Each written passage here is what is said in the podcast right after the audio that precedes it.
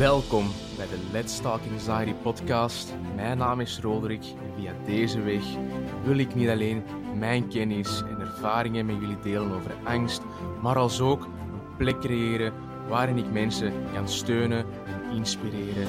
Naar de mensen kan luisteren die hier in hun dagdagelijkse leven mee omgaan en hun daarbij horende uitdagingen. Weet, je bent niet alleen.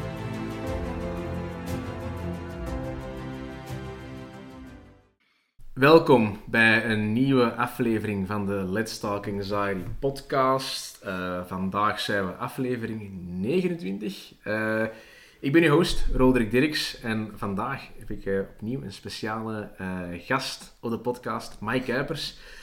niet alleen een goede vriend van mij, maar Mike is ook als zelfstandige aan de slag als manueel therapeut. met het doel om mensen te helpen uh, om je spierenstel te stimuleren, uh, blessurebehandeling te doen, maar als ook dit ook uh, te voorkomen, die blessures. Vandaag is Mike ook zelf host van een eigen podcast, de Quantum Fix podcast, waarbij hij mensen gaat informeren over de verschillende aspecten van gezondheid en dit gebaseerd op wetenschappelijke informatie. Zou er deze podcast verder zullen op inpikken. Maar zonder verder oponthoud, laat het gesprek duiken Welkom, Mike.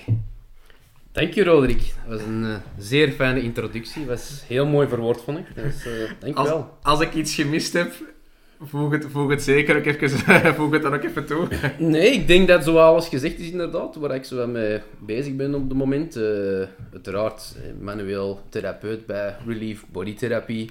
En mijn eigen podcast en uiteraard de Quantum Fix, waar ik dan meer informatie geven over uh, wetenschappelijke aspecten van het lichaam en gezondheid. En dan uiteraard ja, de toekomst die daar rond zal gebouwd worden, rond Quantum Fix en de Relief Bodytherapie. Dus. Gaan we sowieso verder inpikken, maar ik denk dat dat misschien leuk is voor, uh, voor, uh, voor de mensen dat ook luisteren natuurlijk, ook naar de podcast. Ik ken Mike ondertussen al, hoe lang is dat nu al? Dan zijn we samen op school gezeten, op middelbare school. Dat toch al minstens 10 jaar zijn, denk ik. Dat is al 15 jaar geleden. Al ja, al 15 jaar ken ik. Dat is al 15 jaar geleden. Um, eerlijk gezegd, denk dat van ons, van elkaar, van, van, uh, van beiden misschien niet verwacht hadden, want er is ook een periode geweest dat we minder contact hebben gehad. Maar ik denk dat, de, ik denk dat we zelf van ons beiden een beetje verrast zijn van waar we vandaag eigenlijk staan. Uh, enerzijds waar jij naartoe is gegroeid, maar natuurlijk ook hoe ik ben gegroeid natuurlijk in mijn journey. En nu zelf ook met, met mijn eigen podcast uh, ook aan de slag ben. Um, maar ik denk dat dat wel leuk is om, om misschien daar wat op in te pikken. Want ja, ik zeg niet verwacht. Want uh, ik herinner me u als de... Misschien niet de allerbeste student. Misschien, niet de allerbeste student. 100% gelijk. maar uiteindelijk ja, heb je toch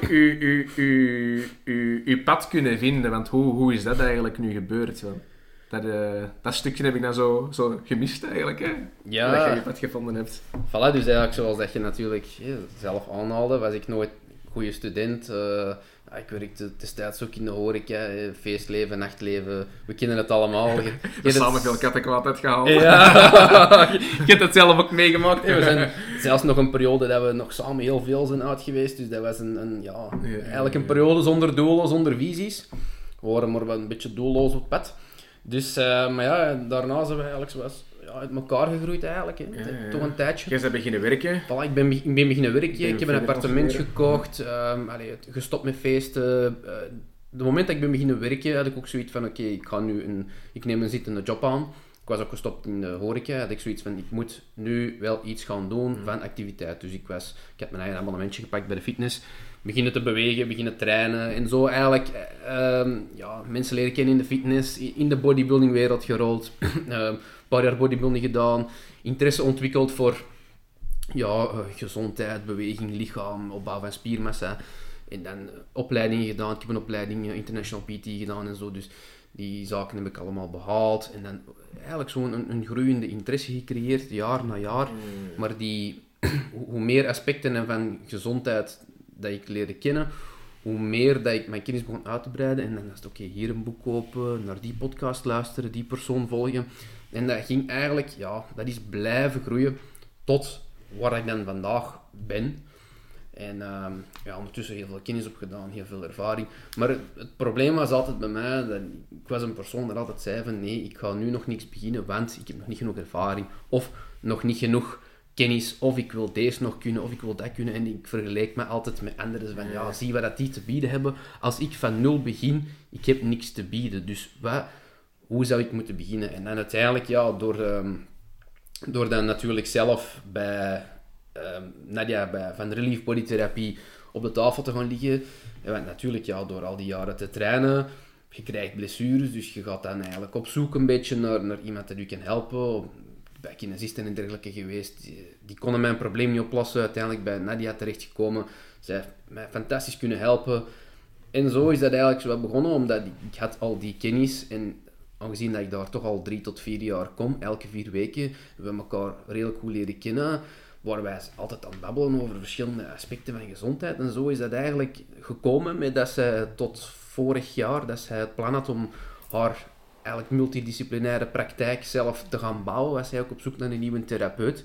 En dan heeft zij aan mij gevraagd, omdat ze wist van, oké, Mike, die heeft al een ruime kennis.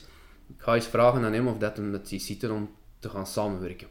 En zo is dat eigenlijk begonnen. En dan heb ik de nodige opleidingen gaan doen in, uh, in verband met alles wat dat met manuele therapie te maken heeft. En het een heeft het ander voortgebracht natuurlijk, hè, met dat ik dan ben gestart met, met mijn eigen locaties. Dus momenteel locatie in Leuven, locatie in Hasselt. En sinds vorige week zaterdag was het dan grote opening van onze nieuwe praktijk. Dus vandaag is de eerste officiële die is in Ekeren, praktijk. ja, ja, dat is in Ekeren, klopt. Dus ja, nu, nu is die locatie daar ook. Dus dat heeft natuurlijk ja, dan ook weer teweeggebracht dat ik eigenlijk ja, motivatie heb ontwikkeld en, en een andere mindset heb ontwikkeld naar eigenlijk um, ja, een beetje naar business toe en naar stap ondernemen van tegen eigen te zeggen van oké, in plaats van dat je altijd maar ligt te denken van ik ben niet goed genoeg en ik kan die stap nog niet zetten, gewoon zeggen van begint en het maakt niet uit met wat je begint, begint gewoon. Daarmee dat ik ook met die podcast ben begonnen, omdat dat was iets dat ook al heel lang in mijn hoofd speelde. En natuurlijk, jij die uw eigen podcast al enige tijd ja. host. En ik zie van, ik moet terug contact hebben met Roderick, want ik weet dat Roderick, die is goed. Ja, ik volgde wel een tijdje en ik was aan, aan het zien waar je aan toe was. Ik vond dat zo cool. Ik dacht, Roderick, ik moet je contacteren, want ik wil dat ook. En dat was, dat was mijn cue, dat was de stap van te zeggen van, wel, ik ga nu die stap zetten en ik ga Roderick contacteren en ik ga gewoon beginnen met die podcast. En het, het, het maakt niet uit dat ik nog geen idee heb of niks, maar die eerste aflevering moet er zijn en de rest volgt van zijn eigen Maar uiteindelijk, als je, want we gaan dan nu even verder, maar als we dan toch even teruggaan. Je, ik heb altijd een drive bij u gezien, vanaf dat jij bent begonnen met dan te, te beginnen sporten. Bij u is dat wel zo, ofwel doe ik het en doe ik het voor 200%, ja. ofwel doe ik het niet. en ik zag je al die stap zetten van enerzijds hè, uh, van elkaar te kennen, het uitgaan en ja, niet bepaald te zeggen de meest gezonde levensstijl. Dat ik je ineens radicaal zien omslagen. Ineens, oké, ik ga uh, hoeveel keer naar de gym? Zes keer? Zes, zeven keer? Zes, zes, tot zeven. dat ik je hoor zeggen van ja, ik kom twee keer, twee keer per dag soms uh, naar de fitness. Dat is ineens dan van, van, van 0 naar, naar 100. En je gaat er ineens echt 100% voor. En zo zie ik je ook met andere dingen bezig zijn. Van oké, ik je, voor iets en ik zie je daar um, ineens... Je gaat dan begonnen met, uh, met, uh, met, het, uh, met het bodybuilden, met, een, met een gym te gaan. Daar van 0 tot 100 en er 200% voor gaan. Daarnaast zeg je van oké, ik wil meer leren over het lichaam. En daar zijn ook ineens volledig voor gaan beginnen gaan verdiepen en, en daarmee bezig zijn. Dus ik zie dat enkel alleen in u van, oké, Mike die ziet iets, die gaat dat vastpakken en die gaat daar 200% voor. Maar je zegt dan zelf, wat me dan een beetje verrast, dat je zegt van, ik twijfel toch nog een beetje. Van waar kan je in twijfelen? Omdat je wist van, ik, zie je van, je, gaat ergens voor en je gaat er, en alles wijkt daarvoor, je gaat er 100% voor. Van waar kan je in twijfel dan, als je van je eigen al hebt zien groeien, van laten we zeggen, misschien zeggen van 0 naar 100. Wat deed je dan nog opnieuw toch terug twijfelen van, ah ja, ben ik er al klaar voor? Terwijl je eigenlijk al keihard stappen gezet hebt en ook al wow, fantastisch keihard dingen hebt bereikt eigenlijk. Ja, dat draait dan eigenlijk vooral om dat ik, ik wil heel graag mensen helpen, dus dat is, dat is mijn passie, om de mensen te helpen met hun problemen en, en echt tot het uiterste te gaan en te puzzelen totdat ik het, de oorzaak heb gevonden. Maar toen, in die periode, was het vooral van, oké, als ik start met iemand te helpen en ik loop vast, wat dan?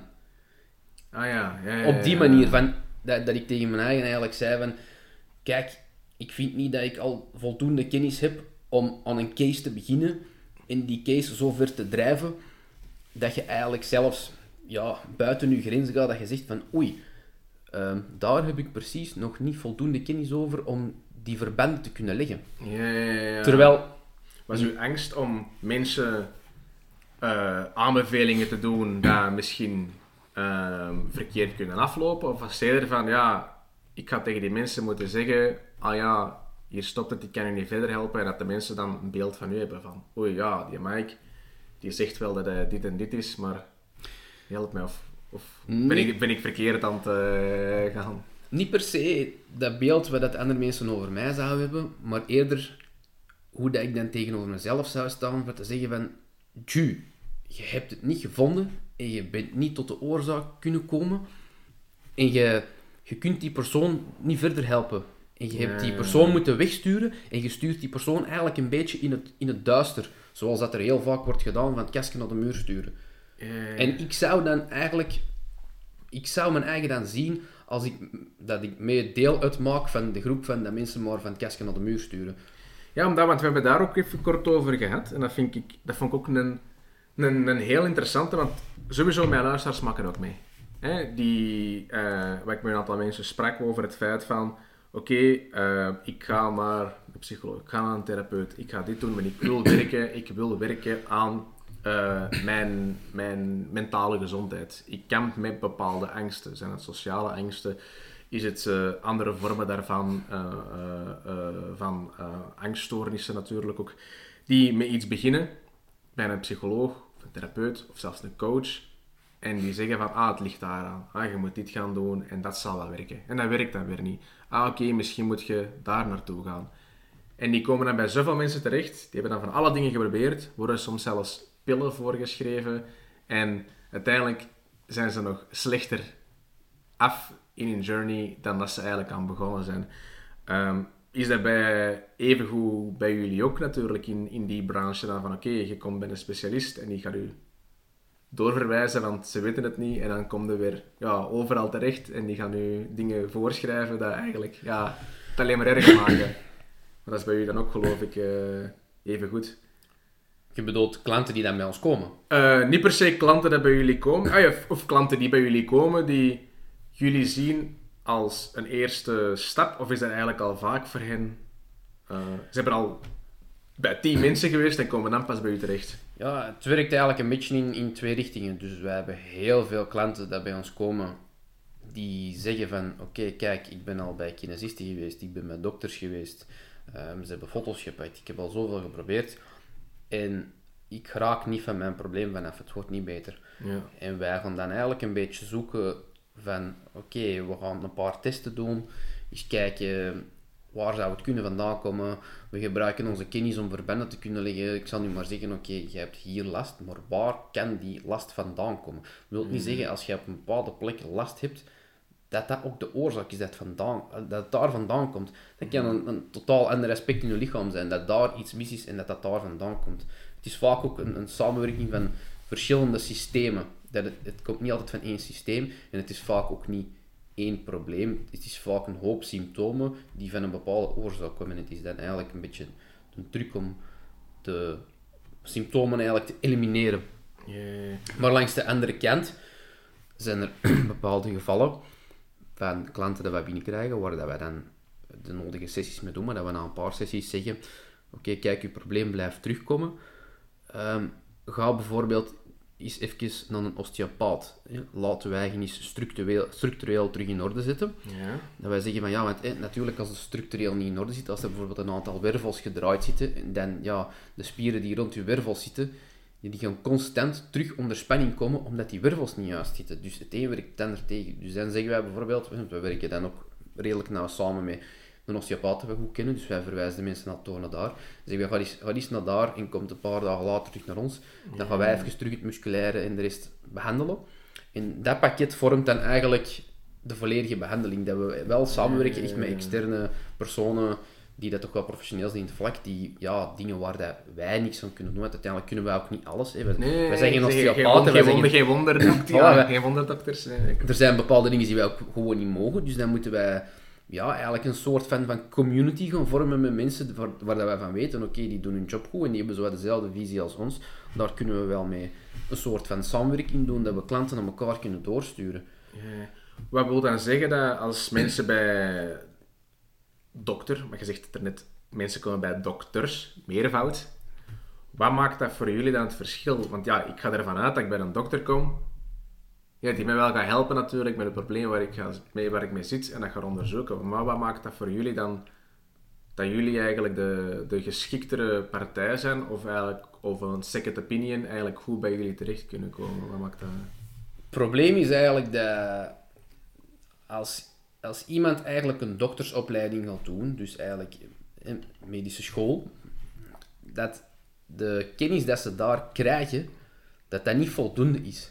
Dat, dat, is, dat is medische kennis dat ze krijgen, dat is kennis ehm, over, over eh, medicijnen, dat is kennis over, over ziektes, over virussen, over dergelijke, kennis over het lichaam, maar die krijgen bijvoorbeeld geen diepgaande kennis over voeding en, en hoe dat die eigenlijk ja, Mm. samengaan met de cellen, de, de celfuncties, hoe, hoe dat die werken. Die, die krijgen eigenlijk ook geen eh, kennis over, over fascia, deep tissue, al, al die zaken. Dat, dat zien die daar allemaal niet, omdat, ja... allee, ze kunnen natuurlijk ook niet alles geven op die school, Nee. maar ja, die mensen worden, worden opgeleid om mensen te helpen met effectieve medische problemen. Dus mensen die ernstig ziek zijn, mensen die ongevallen hebben gehad, daar, daar zijn die goed in. Maar als jij iets structureel of, of ehm, musculair of, of, of op, op celniveau iets wat dat met voeding te maken heeft of zo, ja, dan, dan kan die, wel, die dokter wel denken van ah, het zou daar aan kunnen liggen. En, maar wat ze vaak doen is eigenlijk gewoon de symptomen bestrijden zonder de oorzaak aan te pakken. Ik zal, mij, ik, ik zal mijn eigen nu als voorbeeld pakken. Dat is eigenlijk ja, hoe dat ik ooit bij Nadia van Relief Body Therapie ben terechtgekomen zelf. Ik ben ooit, ik had een, hè, toen nog in mijn zware bodybuilding-periode, uh, ik had last van mijn, mijn schouders. Dus als ik iets deed van pressbeweging, benchpress, overhead press, een van die zaken, altijd heel pijnlijk. En dat trok altijd door volledig eigenlijk in mijn rug. Dus ik kon om een duur gewoon die oefeningen niet meer doen. Dus ik ging, eh, wat dat elke burger denkt, ga naar een dokter, want een dokter die gaat daar wel het nodige voor kunnen doen. Dus wat doe ik? Ik ga naar een dokter, die doet een aantal testen en die zegt tegen mij, ja, je hebt, u, je hebt een ontsteking in je schouders. Ik denk, ah ja, oké, ja, uh, wat moet ik eraan doen? Die zegt, ja, ik ga u uh, ontstekingsremmers voorschrijven en ik ga je zoveel beurten kine geven. En, oké, okay, ontstekingsremmers genomen, kine gedaan, al mijn beurten, 400, 500 euro betaald. Want ja, natuurlijk, uh, hey, je weet, dat, ja. dat, dat tikt goed door. En uh, mijn probleem is nog net hetzelfde. Niet opgelost. Zelfs niet beter. En ik dacht van ja, come on. Ik heb hier net veel geld betaald. Ik heb hier net van alles in mijn lichaam gestoken. Gewoon, allee, gewoon net van alles met mij gedaan en niks daarvan helpt. Dat kan toch niet? Hoe, hoe kan dat? Toen, het ding was toen, op die moment wist ik ook eigenlijk nog niet heel veel diepgaande kennis over het lichaam. Ik had wel kennis over spieren en dergelijke, maar mijn kennis was nog niet diepgaand. En dat is ook eigenlijk een beetje een trigger geweest van te zeggen van, oké, okay, de mensen die ik eigenlijk vertrouw met mijn lichaam, die alles zouden moeten weten over wat aan mensen mankeren, dat mist. Die kennis is er niet en die mensen kunnen mij niet helpen. Hoe komt dat?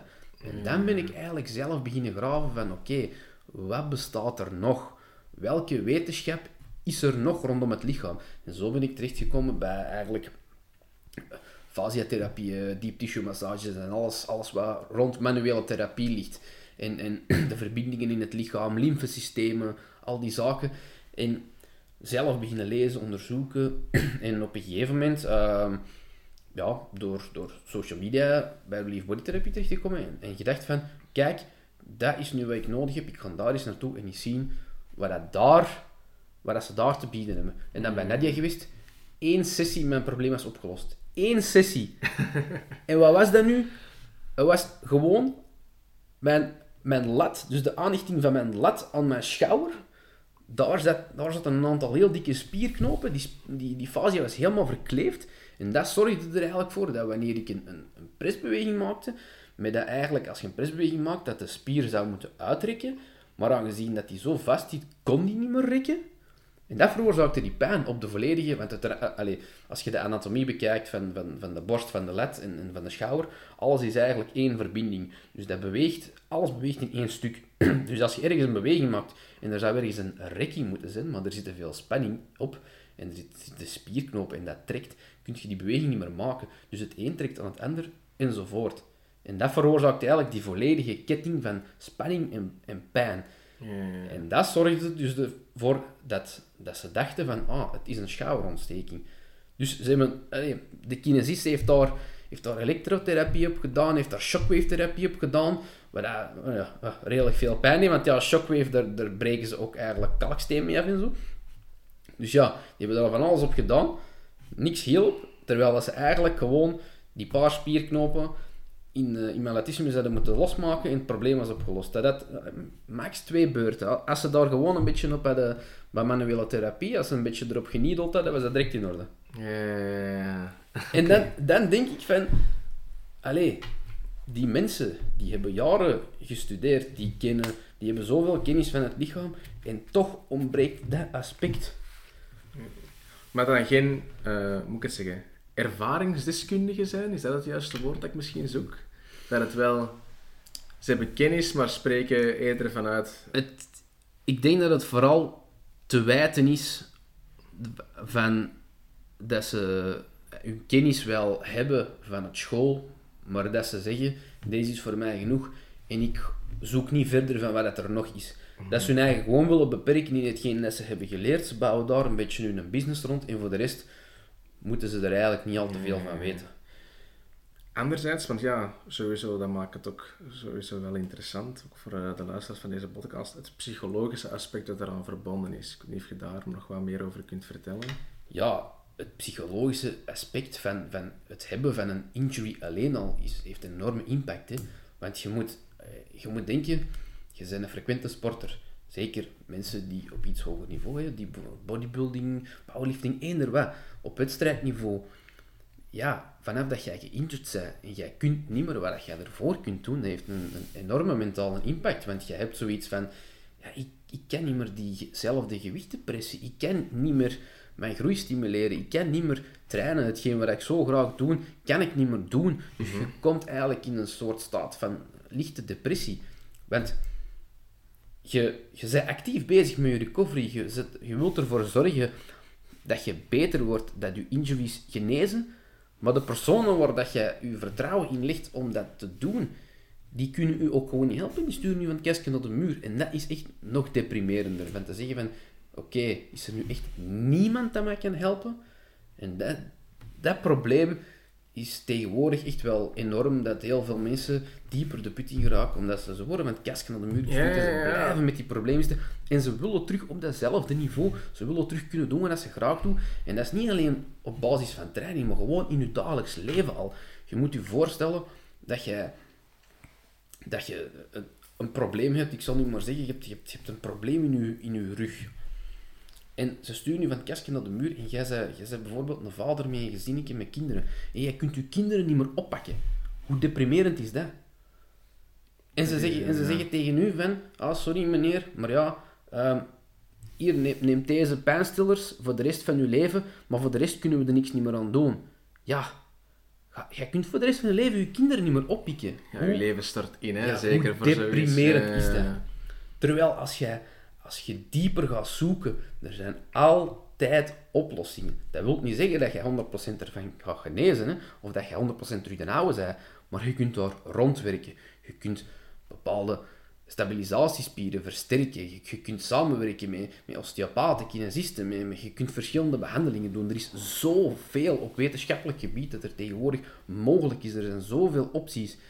En heel vaak wordt er gewoon gezegd, ja nee, sorry, je zult voor de rest van je leven deze of, of deze Ja, hier doen. is antidepressieve en het Ja. zal zich hopelijk vanzelf wel, eh, wel oplossen. Voilà, ja, hier, het, ja. ah, ah, je voelt je niet goed, ja, hier een beetje antidepressief. En dan zeg je, ja, nee, maar ik, ik, wil terug lichamelijk beter worden. Ik wil mijn kindje terug kunnen oppikken. Ik wil terug kunnen gaan sporten. Ik wil terug kunnen gaan, kunnen gaan wandelen, want ik wandel graag buiten. Ik wil eender wat, elk aspect in het leven. Vanaf, vanaf dat je iets niet meer kunt, wat dat, dat je normaal gezien in je dagelijks leven zou moeten kunnen, ja, dan, dan wordt een mens eigenlijk in een, in een ja, deprimerende staat gebracht. Dus dat, en dan hebben wij, daarom hebben we nu eigenlijk in, het, eh, in ons nieuwe recovery complex van Relief Body Therapie, hebben wij nu ook een mental sports en performance coach. En zij is eigenlijk de persoon, zij heeft ook eh, psychologische opleidingen en zo gedaan. Oké, ja. En zij is eigenlijk de persoon dat ervoor gaat zorgen dat mensen die injuries hebben, zij baseert zich wel vooral op sporters, maar dus mensen die dan injuries hebben, zij gaat die begeleiden tijdens die periode, dat die wel de juiste mindset blijven behouden van oké, we moeten werken dat we terug op hetzelfde niveau of terug gaan beter worden. En zij, zij gaat eigenlijk de mensen stimuleren van oké, geef niet op. Ga niet in je zetel hangen en denken dat het voorbij is. Maar we gaan samen zoeken naar de juiste methode, de juiste mindset om terug op dat niveau te komen, om terug te kunnen meedoen in, in je training, om terug wedstrijden te kunnen doen, om, om terug gewoon normaal te kunnen functioneren in je dagelijks leven. Eh, Want dat brengt ons eigenlijk naadloos eigenlijk over. Want ja, je zegt over eh mindsets, blijven, blijven performen, ook al, ook al kan het wel eens een keer, eh, kan het, ja, kan het eens een keer, kan het gewoon tegenslagen. Hè? Ehm, er, is, er, is, er is een blessure, een injury die hebt opgelopen. Ehm, er zijn bepaalde dingen die je graag doet, niet meer kunt doen, maar je moet wel nog steeds op diezelfde, ja, op diezelfde frequentie, in diezelfde mindset blijven. Van oké, we blijven wel ehm, doorgaan, we blijven presteren. En ik denk dat ook wel een van de redenen is dat je die podcast ook gestart bent. eh, om niet alleen te focussen op eh, eh, gezondheid algemeen, maar ook ja, mentale gezondheid. dat een belangrijke factor is. Dus ik denk ja, als je daar zeker eh, wat meer over wil vertellen, eh, hoe dat je met tot een podcast eigenlijk bent geraakt, om daar ook mee verder te willen doen. Ja, eigenlijk, het, het doel van de podcast is, is voornamelijk om de mensen te informeren wat dat er eigenlijk allemaal mogelijk is in verband met gezondheid en het lichaam. Wat dat er allemaal bestaat op wetenschappelijk niveau, hoe functioneert het lichaam, welke verbanden zijn er. Ehm, bijvoorbeeld, als, stel je mankeert dit, waar zou dat allemaal aan kunnen liggen? Welk, welke effecten hebben voeding op, op, op je leven? Welke effecten hebben slaap? Al, al die zaken, eigenlijk alles rond, gezondheid en, en lichaam. Dus ik wil de mensen in- informeren, zodat de mensen misschien getriggerd worden van oh, maar dat is wel iets dat bij mij nu gaande is. En ah, hij zegt dat dat daar aan zou kunnen liggen. Ik kan daar eens een beetje dieper op ingaan. Mensen die misschien al jaren op zoek zijn naar oplossingen voor hun problemen, mensen die misschien al zo diep in de put zitten, die het willen opgeven, dat die eigenlijk terug getriggerd worden van ik moet daarop voortgaan, ik moet daarop voortzoeken. En dat kan zijn, Ja, al- ja. dat kan zijn op medisch niveau, dat die naar hun dokter gaan en zeggen, dokter zegt, kijk, wil jij deze of deze nog eens onderzoeken? Of dat die specifieke hulp gaan zoeken, of dat die mij vragen, dat, dat ze mij sturen van, kijk, hè, ja, ik, heb u, ik heb gehoord dat jij deze en deze daarover het vertelt in uw podcast. Ehm, kunt jij mij helpen, of kunt jij me iemand aanwijzen, of kunt je me zeggen hoe dat ik dat zou moeten oplossen? Ja, ja, ja. En dat is eigenlijk een beetje mijn doel. Van, Je triggert mensen Ja. die eigenlijk eh, enerzijds ja, sowieso graag luisteren naar, naar de dingen die je te vertelt, vertellen hebt over het wetenschappelijke vlak. Maar als ook, je gaat mensen triggeren die in, in, zo- in zo'n situatie zitten van hey, kijk, er is nog hoop. vallen. Er is nog hoop en ik moet gewoon terug, Ja, die actie gaan ondernemen. En eh ja, nee, wel cool. Want ik weet dat er, er zijn gigantisch veel mensen die al jaren met... Allee, ik, kan er, ik kan er gemakkelijk tien opnoemen in mijn nabije omgeving van mensen dat ik weet dat al jaren met gezondheidsproblemen sukkelen. Ja. Die dat daar niet vanaf geraken, die worden van het kastje naar de muur gestuurd. En die, die zijn al bij, bij specialisten geweest, die, die pakken die bergen met medicatie. Die, allee, hebben al zoveel geprobeerd. En die, die echt zo aan het randje zitten van opgeven om te zeggen van ja, oké, deze wordt misschien wel ja, de rest van mijn leven.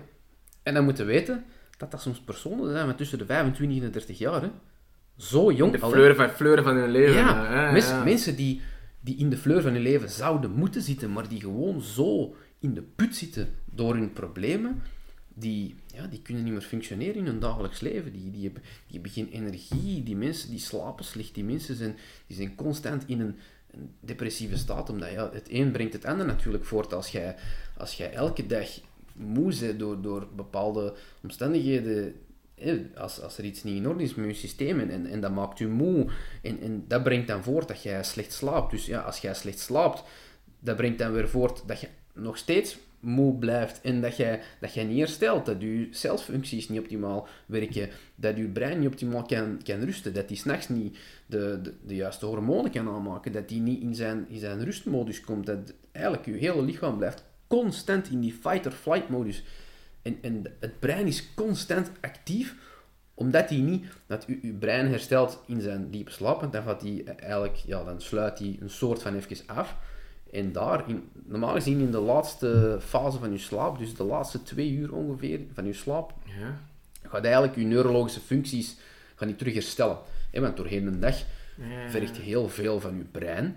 Dus je brein is constant actief, maar dat moet ook kunnen rusten. En dat gebruikt, allee, dat, als je, stel je zou zo tussen de 7 en 8 uur slapen, dan is het zo tussen, tussen je zevende en achtste uur gaat dat eigenlijk her- beginnen te herstellen. Gaan je neurologische functies gaan die terug tot rust komen, gaan die hun, hun reserves eigenlijk, ik zal ik zeg maar reserves, terug aanvullen. En op die manier zou je terug volle moed en, en, en eigenlijk met volle energie aan je dag kunnen beginnen. En functioneer jij terug op een goede manier. Maar ja, als je slaap al onderbroken wordt en, en met al de rest erbij, al de omgevingsfactoren, ja, dan ga je nooit terug in die goede staat geraken. Nee, ik ben zelf iemand dat eh, soms overenthousiast is of eh, ja, enerzijds heel veel nadenkt. Eh, zeker ook in het verleden was dat super erg. Eh, maar hoe, hoe, zijn er daar bepaalde adviezen of zo dat je kunt meegeven? Van, want ja, ik heb dat zelf ook, dat ik soms, ik zit met zoveel na te denken, over zoveel dingen bezig. Ik, ik zie die dingen terug in mijn dromen. Hè. Eh, dan word ik gewoon, ja, dan word ik gewoon wakker en dan ben ik daar terug over aan het nadenken en dan slaap ik niet of heel onregelmatig. Wat kan, daar, wat kan daar wel bij helpen? Ehm, Om beter te slapen. om of- beter te of- kunnen slapen, ja. Dat je... Want ja, sommige mensen, die, die, die, die willen dat. Die willen een, een, een, goede, een goede nachtrust hebben, maar er zijn zoveel dingen in hun hoofd dat je gewoon wakker houdt. Dus over dingen liggen piekeren en gewoon wakker blijven. Of ja, dat, dat ze er eigenlijk onbewust ook constant mee bezig zijn, waardoor hun slaap eigenlijk, en als ze wakker worden en gewoon doodop zijn, hè, gewoon wakker worden en gewoon kapot zijn, hè, dat je denkt van, oh, mijn slaap heeft slaap nodig. Allee, ja. Ja, ja, ja, ja.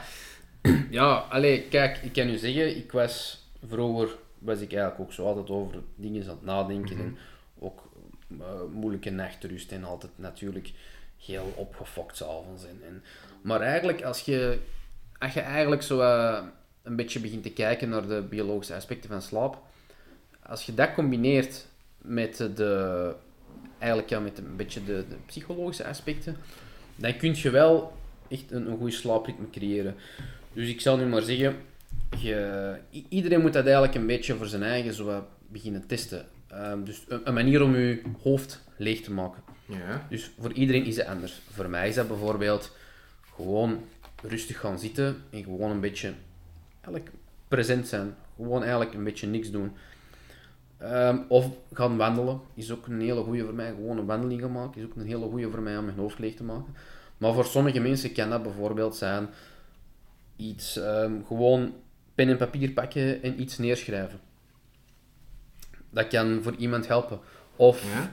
Voor andere mensen kan bijvoorbeeld helpen een, een goed telefoongesprek met, met, met iemand dat ze, dat ze kennen.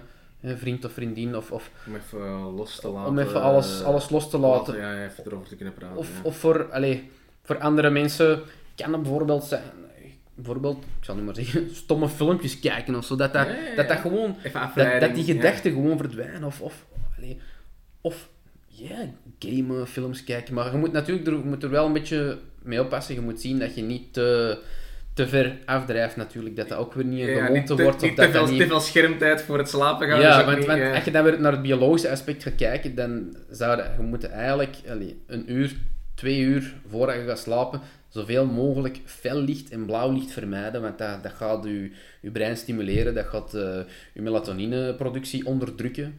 Dus blauw licht vernietigt eigenlijk melatonine en dat gaat ervoor zorgen um, dat eigenlijk je cortisol terug gaat stijgen. Dus dat, dat gaat je brein actief maken. Als je te veel naar bewegende beelden aan het kijken bent, zoals films, games, weet ik wel, voor het slapen gaan, dat houdt je brein ook actief, omdat dat heel veel van beweging is en omdat je er, terwijl ook eigenlijk een beetje onbewust bij aan het nadenken bent. Ja. Um, en dan eigenlijk, ja, moeten ook een beetje opletten met dat je geen, uh, je lichaamstemperatuur eigenlijk niet te hoog brengt. Dus niet, niet meer actief gaan sporten en zo, voordat je gaat slapen. Oké, dus ja. Ik zou zeggen... Uh, nee, je zou denken van, ik ga, ik ga sporten, zodat ik eigenlijk... Ja, hè, uh, mensen voelen zich onrustig. Die, die liggen te keren, te draaien. Uh, en denken dan van, oké, ik ga mijn lichaam gewoon... Eh, ja, uh, vermoeien door net effectief te gaan sporten om het beter te kunnen slapen. Maar dat is dan eigenlijk niet juist. Nee, want uh, fysieke vermoeidheid is niet hetzelfde als mentale vermoeidheid. Nee, oké. dus je, wat je eigenlijk creëert bij het sporten, ten eerste je lichaamstemperatuur gaat stijgen. En ten tweede, je sporten is een stressor voor je lichaam. Dus dat gaat ervoor zorgen dat je cortisolwaarde kan stijgen. En als je cortisol stijgt, dan onderdrukt dat melatonineproductie. Dus je melatonine heb je nodig om in slaap te geraken. Maar als dat, als dat niet kan activeren of, of geen bepaald niveau kan bereiken, omdat er te veel cortisol is, ja, dan, dan raak je daar ook niet. Dan kun je ook niet goed inslapen, kun je ook niet goed doorslapen, raak je niet in die diepe slaapfase en, en enzovoort enzovoort. Dan gaat een bal aan controle. Dus je kunt eigenlijk, je zou, het beste zou zijn dat je ziet dat je drie tot vier uur voor je gaat slapen niet meer gaat sporten. Oké, ja, ja, dat is eigenlijk de meest ideale range. En ja, je moet dat natuurlijk ook zien, want stress op zijn eigen is ook een stressor voor het lichaam. Dus ja, als jij s'avonds heel gestrest bent, gaat die cortisol ook weer stijgen. Ja, en dan krijg je ook weer hetzelfde effect. Dus je moet voor je eigen een beetje een, een, ja, een relax protocol zien te vinden. En zoals dat ik zeg, is dat voor iedereen anders. Voor iedereen is het anders. Ja, ja, er is geen one size fits all van, ah ja, je moet een boek lezen. Maar ja, sommige mensen zijn dan... Hey, bij mij werkt het dan, hè, door gewoon te lezen. Dat ik in een ruststaat kom, ik lees iets. Uh, uh, ik ben uh, iets aan het opschrijven natuurlijk in mijn dagboek. Maar voor andere mensen kan dat bijvoorbeeld niet werken. Die dan misschien, ja... Te, te, te gestrest zijn en zelfs geen, geen letters meer kunnen lezen door, doordat ze die dingen zitten zouden dan, ja, je ziet, ja, er zijn, er zijn natuurlijk verschillende andere zaken. Ik geef die ook mee in mijn podcast door effectief een goede manier te vinden. Is het effectief te gaan wandelen? Is het door uh, muziek, muziek te luisteren bijvoorbeeld? Is het met iemand te spreken? Um, is het uh, ja, door dingen op te schrijven? Hè? Ik denk dat voor iedereen, voor iedereen is dat uh, wel anders. Maar ik denk, omdat je het net had over dat blauw licht, in telefoons heb je tegenwoordig, of zelfs in moderne laptops, die blauw lichtfilter. Klopt. Werkt dat of werkt dat niet? Is dat, is dat iets dat gewoon wat verkocht wordt of is dat effectief iets dat werkt? Dat werkt in bepaalde mate. Oké, ja. Ja, en je zegt verkocht wordt, ja, de meeste van die apps zijn gratis, ja. dus je betaalt daar al niet voor. Ja, ja, maar je kunt wel, je hebt daar inderdaad apps voor, maar iPhone heeft daar zelfs een eigen functie voor. Dus je hebt, je kunt een functie in iPhone kunt je dat instellen, dat, je, dat de temperatuur volledig rood wordt van je gsm vanaf een bepaald uur. Je kunt, ah, je kunt dat ook handmatig instellen natuurlijk, als je zegt ik wil dat een hele dag, maar je kunt dat ook instellen dat je gsm vanaf een bepaald uur zegt van, voilà, we gaan nu dat blauw onderdrukken en we gaan volledig roodkleurig worden. En dat inderdaad, dat is wel een heel goede functie. Dus, ja, ja, je hebt daar een apps voor, maar uiteraard is dat ook weer beperkt, want er komt nog altijd enige vorm van blauw licht door. Maar dat is, dat is al een goed begin. Dus dat zou ik sowieso iedereen aanraden. Om sowieso te doen. Vanaf pak twee uurtjes voor je gaat slapen. En uiteindelijk, dat verandert niks aan je gsm, want je kunt nog altijd alles hetzelfde doen. Het is alleen een ander visueel zicht. Ja, ja, ja. Dus, ik gebruik het zelf ook. Hè. Het, geeft, het, geeft, het geeft een lichte verandering, maar inderdaad, ja, je kunt nog gewoon het ding blijven doen. Hè. Ja, dus het, beetje, Het inderdaad. Een film aan het kijken of een filmpje aan het kijken of iets aan het lezen. Ja, je, je merkt dat het wat anders is, maar op zich heeft geen grote... Het kan natuurlijk wel, als je zegt een filmpje aan het kijken, kan het er wel voor zorgen dat je een beetje een raar beeld krijgt, omdat je bepaalde kleuren niet meer doorkrijgt door die filter. Ja. Maar, ja, kijk. Weet je, je kunt nog altijd wel je beeld zien, je kunt nog altijd wel volgen, plus het gaat ervoor zorgen dat het je slaap gaat bevorderen. Dus uiteindelijk, ja, als je de keuze hebt en je zit in zo'n situatie, ja, ik zou Ja. sowieso aanraden om dat te doen. Ja. Zijn er bepaalde dingen, want ik vind het ook wel interessant, er iemand die er kei veel van af weet, veel meer dan ik zelf. Ehm, zijn er bepaalde dingen waar dat mensen of coaches in uw branche of daar rond zeggen, die zeggen van, ah, je moet dit doen, wat eigenlijk niet klopt, maar jij ondertussen jaren al ermee bezig bent en weet ondertussen wel wat werkt en wat niet werkt. Zijn er bepaalde dingen dat mensen zeggen of algemeen, of ja, niet per se coaches, maar gewoon iets dat algemeen verteld wordt, wat eigenlijk niet klopt. Ja, er zijn Ik natuurlijk er voorzichtig in zijn. ja. Ja, het hangt er eigenlijk vanaf op welk vlak dat je het gaat bekijken. Want in elk aspect zijn er wel zaken dat gezegd worden dat niet kloppen. Dus, hey, ik zal nu maar zeggen, je kunt die vraag stellen in het aspect van voeding, je kunt die vraag stellen in het aspect van slaap, je kunt die vraag stellen in het aspect van training, aspect van recovery. Dus het ja, dat is waar. ja. Ik heb het misschien wat breed gemaakt. Dus je maakt het inderdaad heel breed. Ik kan, allez, ik kan u honderd voorbeelden geven over de verschillende aspecten. Maar ja, Ja, voeding. Ik heb je wel langs Ik heb eh, niet de laatste, maar dan de podcast daarvoor dat ik mij gezien heb, de podcast over, eh, ook over voeding natuurlijk, het intuïtief eten. Hm. Ehm, daar hadden we het ook over het feit van, oké, ehm, er wordt gezegd dat je niet mocht eten eh, na 6 uur. Vaak, dat wordt, vaak wordt dat gezegd, zie je dat in keihard filmpjes van, ja, eh, je moet eten op dat uur, wat eigenlijk dan ook niet, niet 100% waar is natuurlijk. En dat je eigenlijk je, je lichaam moet volgen. Dat zegt van oké, op dat moment eten en je kunt daar, zit je nog steeds wel goed. En dat dat niet per se een gigantische impact gaat hebben op de rest van je leven. Wat, staat, wat, is uw, wat is uw visie daarover? Heb jij zoiets van ja, je moet wel om, je moet wel om 6 uur eten, want, want eh, anders eh, is heel je dag verpest. Bij wijze van spreken. Ja. Wel, het, het feit dat je nu zegt van dat 6 uur, tijdsgebonden is dat niet. Nee. Dus, maar er zit wel enige vorm van waarheid in. Maar dat is dan eigenlijk weer iets dat ze een beetje van veralgemenen. Een beetje eigenlijk een verkoopspunt. Omdat ze niet genoeg kennis hebben wat dat er nu juist wel achter schuilt. Waarom dat dat is. Ja, ja. En het is niet tijdsgebonden, omdat ik zeg van... Dus, we zullen bij het eerste aspect beginnen. Slaap. ja. Slaap. Twee tot drie uur voor uw slaap zouden in principe niet meer mogen eten. Waarom niet? Omdat slaap, eh, voeding gaat er eigenlijk voor zorgen, dus als jij gaat eten, gaat dat je verteringsproces in gang zetten. Als pro- eh, verteringsproces in gang wordt gezet, gaat je lichaamstemperatuur stijgen. Plus, je lichaam is dan bezig met van alle systemen in gang te zetten. Want als jij eet, ja, dus je eten wordt verteerd, maar dat moet getransporteerd worden in je bloedbanen. Dat moet naar de, hè, dat moet naar de juiste spieren, naar de juiste organen.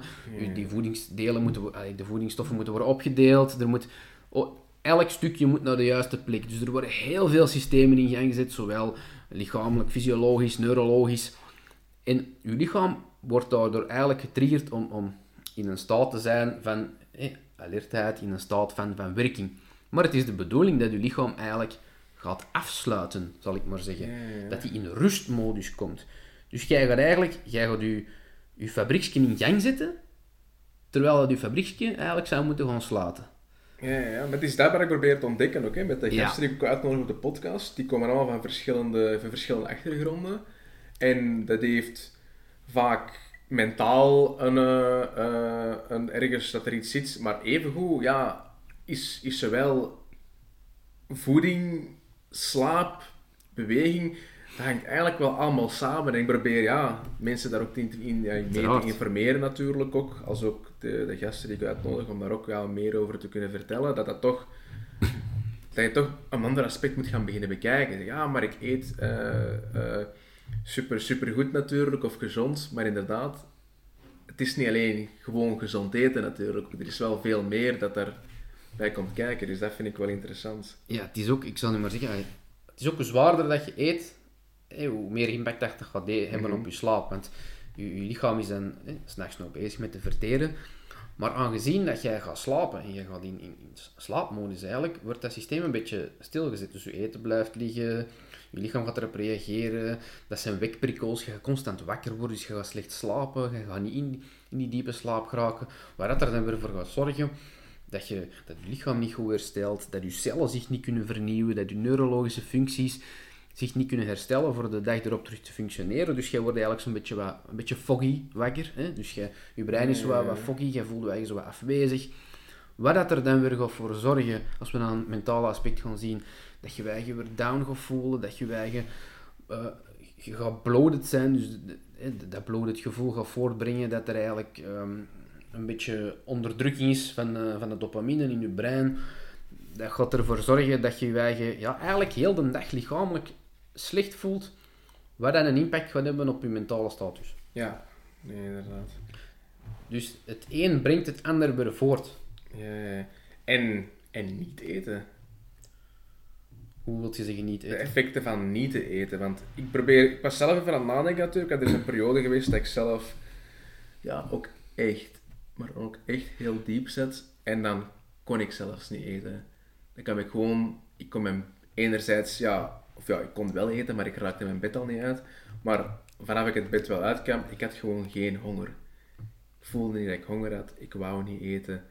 Ehm, door, door mentale factoren. Ik weet niet wat de impact daarvan is op, op ja, korte termijn op dat vlak. Hè? Want ja, dat, je hebt natuurlijk eten, te laat eten en slecht slapen. Maar je hebt ook even goed mensen dat niet eten natuurlijk. Dat ik mezelf als voorbeeld neem. Het niet eten en dan... Uh...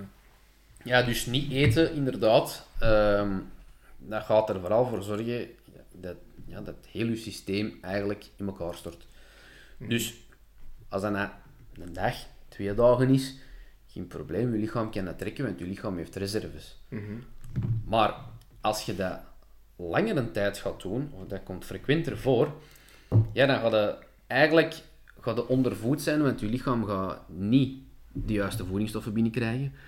Je lichaam gaat niet alle systemen actief kunnen houden, omdat er geen energie is.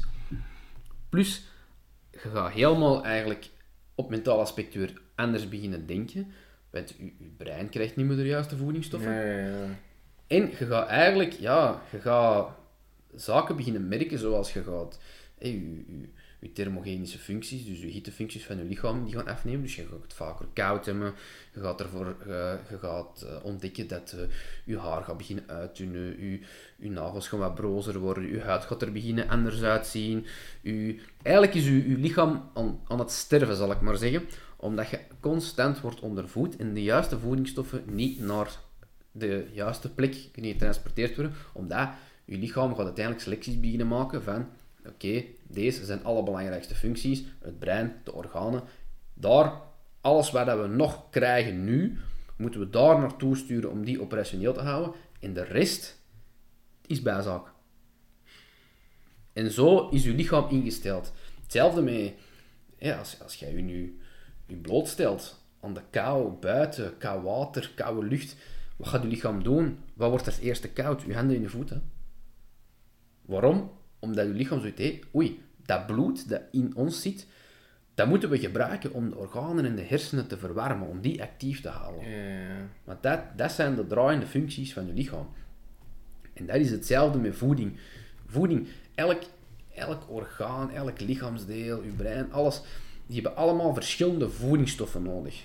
En dat verschilt van lichaamsdeel tot lichaamsdeel. Dat is niet dat, dat, dat heeft alles nodig en dat, dat verschilt echt. Zoals, ik zal nu maar zeggen, nu, je brein heeft voornamelijk cholesterol nodig, want dat is hetgeen waar, waar, dat, waar, waar het meeste aanwezig is in je brein. Je, je, je, huid en, en je, je celfuncties en dergelijke, die hebben vooral hè, vitamine D nodig, vitamine B12 nodig, al die zaken. Ze hebben uh, calcium voor je beenderen. Uh, je hebt magnesium ook heel belangrijk voor neurologische functies. Magnesium, dat, dat, dat gaat ook weer je brein helpen voor de, eigenlijk de juiste neurotransmitters te kunnen stimuleren. Ja, ja. Dus je ziet eigenlijk, er zijn heel veel nutriënten nodig om je lichaam draaiende te houden. Dus wat jij dan gaat doen met je eigen te ondervoeden, met niet te eten, is het lichaam weerhouden van die nutriënten. En dat gaat elke keer een nieuwe reactie teweeg brengen. Ja, ja, ja, waardoor je eigenlijk nog veel, Ja, nog veel dieper er gaat geraken. Mogelijk ja, dingen gaat beginnen zien aan je lichaam, waar je voilà. dan nog eens onzeker gaat maken. Dus je gaat daar nog eens over beginnen. Dus je bent eigenlijk, ja... Je geraakt in een visieuze cirkel. vicieuze want- eigenlijk het, het, ja, ik zal nu maar zeggen, je healingsproces van je mentaal welzijn, ja, dat begint eigenlijk altijd bij het biologische. Want zolang dat je lichaam niet biologisch in orde is, ja, ga jij nooit niet de juiste stimulans kunnen creëren om je eigen terug op mentaal vlak sterk te maken. Want als, als er altijd daar is een foutje en daar.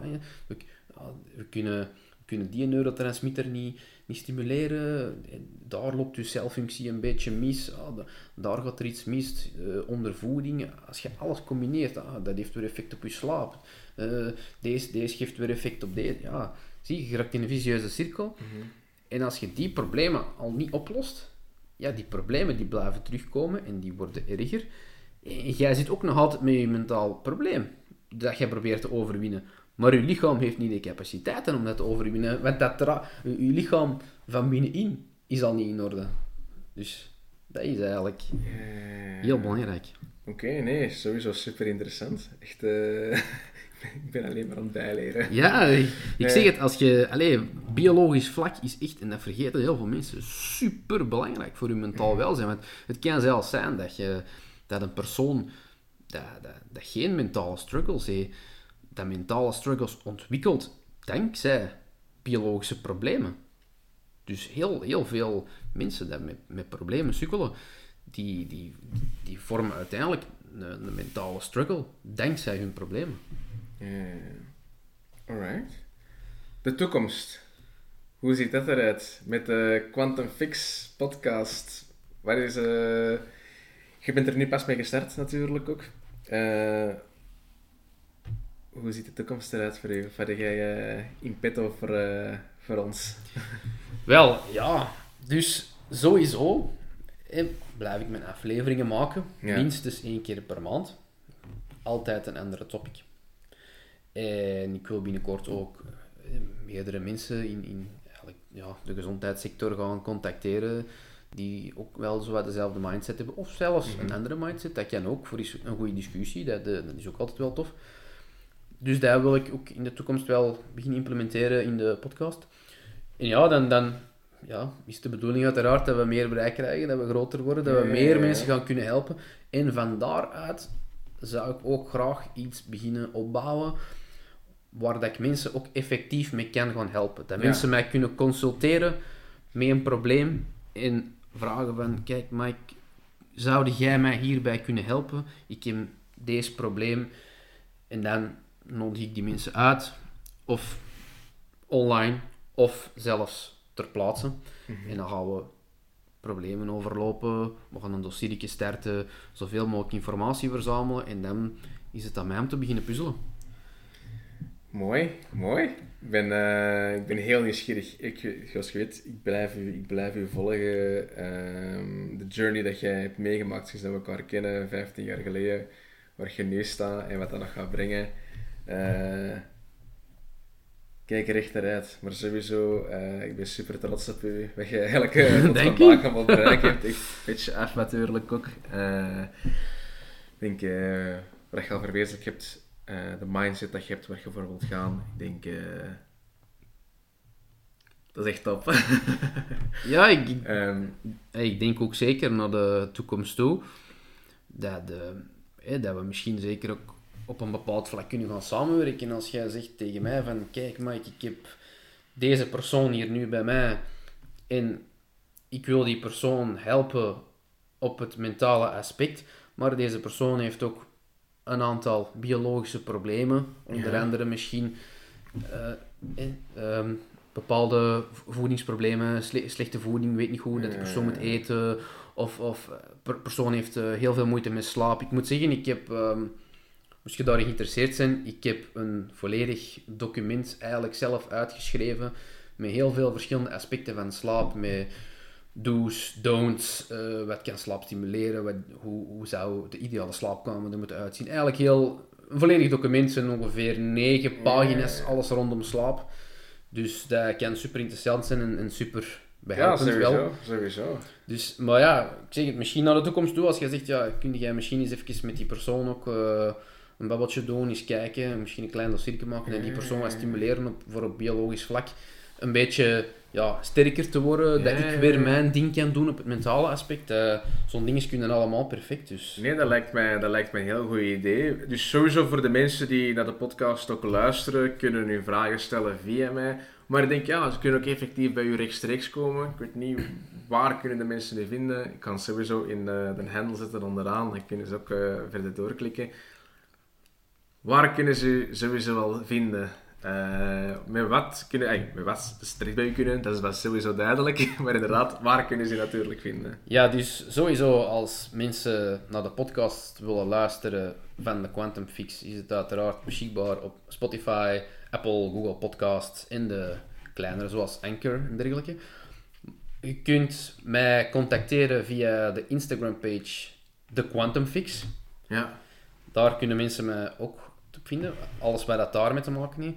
Of als ze graag zeggen van oké, ik zit met blessures of dergelijke en ik wil graag een sessie bij, bij manuele therapie, dan kunnen ze ook mij contacteren via Mike Relief Body Therapy. Dus dat is mijn uh, Instagram page, dat valt onder, de, onder uh, de zaak van Relief Body Therapie. dus daar kunnen ze daar kunnen ze terecht voor de lichamelijke problemen. Nee, perfect. Ik kan ze allemaal vinden. Ik kan ze allemaal sowieso, uh, sowieso mee toevoegen in, uh, in de dingen. Dan kunnen ze alle, uh, alle links toevoegen, kunnen ze daarbij terechtkomen.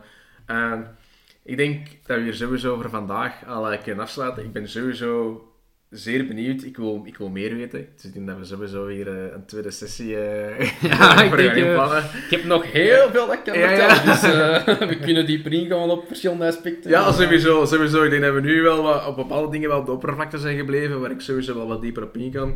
Ik wil u sowieso, Mike, ik wil u bedanken voor de komst. Ook het delen van uw inzichten, de verhalen, de ervaringen ook. het is echt een pleasure om, om u hier te hebben. Um, voor de mensen, als je genoten hebt uh, van de show vandaag, uh, abonneer u. Volg mij op alle social media handles. Hetzelfde voor, uh, voor Mike Kuipers, die ik nog ga toevoegen. Ehm, nogmaals, super bedankt. Het was om, zeer fijn om hier te zijn. Het was echt een aangenaam gesprek, moet ik zeggen. dus blij, blij om wat te horen. Alright, peace out. See you in the next one. Bye.